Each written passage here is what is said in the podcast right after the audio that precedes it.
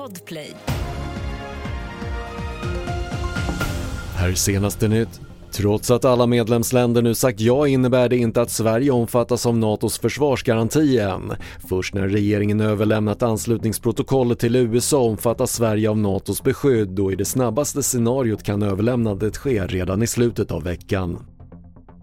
Frankrikes president Emmanuel Macron utesluter inte att väst kan komma att skicka soldater till Ukraina. Det sa han efter att ha träffat flera europeiska ledare i Paris igår. Och Macron sa vidare att man kommer att göra allt som krävs för att se till att Ryssland inte vinner kriget. Och Colombia inleder dykningar efter en skatt med guld, silver och ädelstenar värda motsvarande över 200 miljarder kronor. Fartyget från spanska flottan sänktes av britterna och ligger på 600 meters djup och man hoppas att det kan ge svar på flera historiska frågor. Varenda vrak har ju sin historia eh, och det spelar egentligen ingen roll vad det är i lasten eller för föremål utan det berättar ju en händelse om ett förlopp.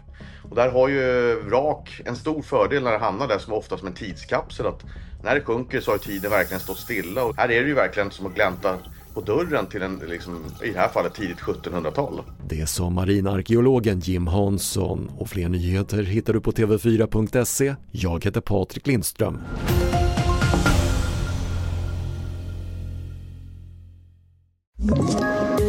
Poddtips från Podplay. I podden Något Kaiko garanterar östgötarna Brutti och jag, Davva, dig en stor dos skratt. Där följer jag pladask för köttätandet igen. Man är lite som en jävla vampyr. Man har fått lite blodsmak och då måste man ha mer. Udda spaningar, fängslande anekdoter och en och annan arg rant. Jag måste ha mitt kaffe på morgonen för annars är jag ingen trevlig människa. Då är du ingen trevlig människa, punkt. Något Kaiko, hör du på Podplay. Därför är gardinerna.